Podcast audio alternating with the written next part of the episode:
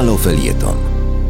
Przed mikrofonem Aleksandra Gajewska, aktywistka społeczna, polityczka. Za nami Igrzyska Olimpijskie.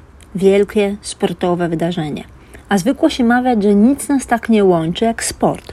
Wspólne kibicowanie, euforia, czasem wspólna złość i zawód. W takich momentach wszyscy jesteśmy razem. Ale pamiętajmy o tym, że sport potrafi także dzielić. Dzielić na lepszych i gorszych, na kobiety i mężczyzn. W Tokio po raz pierwszy w historii zawodniczkom pozwolono przyjechać do wioski olimpijskiej ze swoimi maleńkimi dziećmi. Wcześniej było to nie do pomyślenia, dlatego sportsmenki mówią wyraźnie. To wielki krok w historii sportu. A ja sobie myślę, wielki krok w XXI wieku, że łaskawie mężczyźni zgodzili się, żeby kobiety opiekowały się swoimi dziećmi, karmiły je? Dlaczego to nie jest standardem już od dawna? Ano dlatego, że do tej pory dziecko było w świecie sportu równo, równoznaczne z końcem kariery, a przynajmniej jego poważnym załamaniem. A przecież na przekór wszystkiemu, wiele zawodniczek udowadniało już, że można wracać po urodzeniu dziecka do wyczynowego sportu, a nawet uzyskiwać w nim jeszcze lepsze wyniki. No i oczywiście wypadałoby tu wspomnieć wielką Irenę Szewińską, która największe triumfy świeciła dopiero po przerwie spowodowanej urodzeniem syna Andrzeja. Coś jeszcze zawsze uderza mnie podczas czytania o sukcesach naszych sportowców. Te słodkie tytuły typu Złoto wywalczyły aniołki Matusińskiego. Aniołki. No cholera jasna. Wyobraźcie sobie, żeby sztafeta męska nazywana została aniołkami. No przecież silne męskie drużyny to najczęściej diabły. Albo taki niepozorny tweet Andrzeja Dudy po zdobyciu srebrnego medalu przez oszczepniczkę Marię Andrejczyk. Już w drugim zdaniu gratulacji pada piękna i dzielna. Piękna. To przecież w sporcie najistotniejsze. Znacie jakąś polityczkę, która gratuluje wicemistrzowi olimpijskiemu pisząc przystojny i waleczny? Nie, przecież to nie pasuje, to nie wypada, tak nie powinno być. A ja to wszystko znam z autopsji. Ile to razy w mojej dziedzinie, polityce, słyszałam aluzje do urody czy kobiecych stereotypów. Wielokrotnie, jeśli nie powiedzieć każdego dnia. My w pierwszej kolejności jesteśmy oceniane z perspektywy tego, jak wyglądamy. Bo to, czy mamy coś do powiedzenia, albo czy potrafimy zwyciężać w sporcie, jest dla wielu mężczyzn z życia publicznego naprawdę drugorzędne.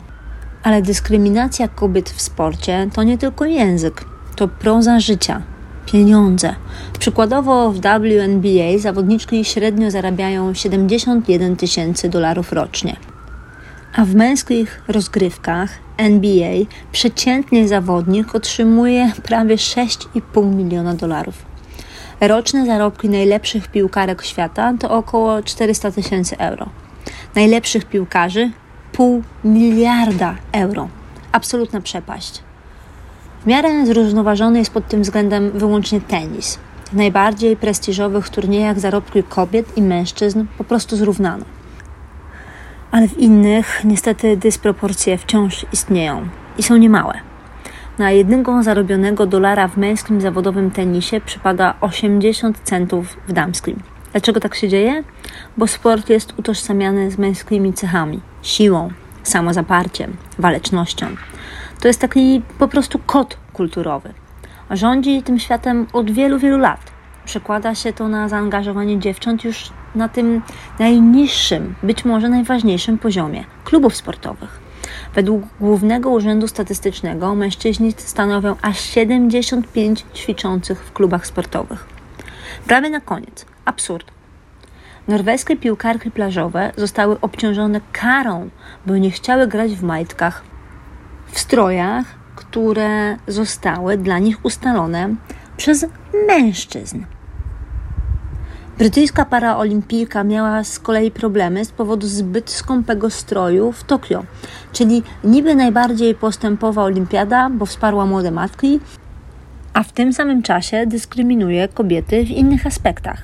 Mężczyźni wykonują w naszym kierunku symboliczne gesty, które i tak są przykrywane przez stare, sprawdzone stereotypy. A już na sam koniec jeden cytat. Mai Ham, jednej z najwybitniejszych e, piłkarek świata. I ona mówi tak.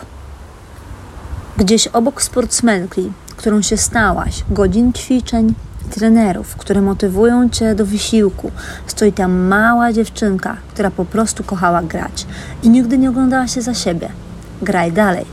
I dokładnie tak jest. Grajmy dalej. Grajmy dla siebie i bądźmy niewykluczone. Na www.haloradio ukośnik SOS wspieraj niezależne Halo Radio, które mówi wszystko www.halo.radio ukośnik SOS. Dziękujemy.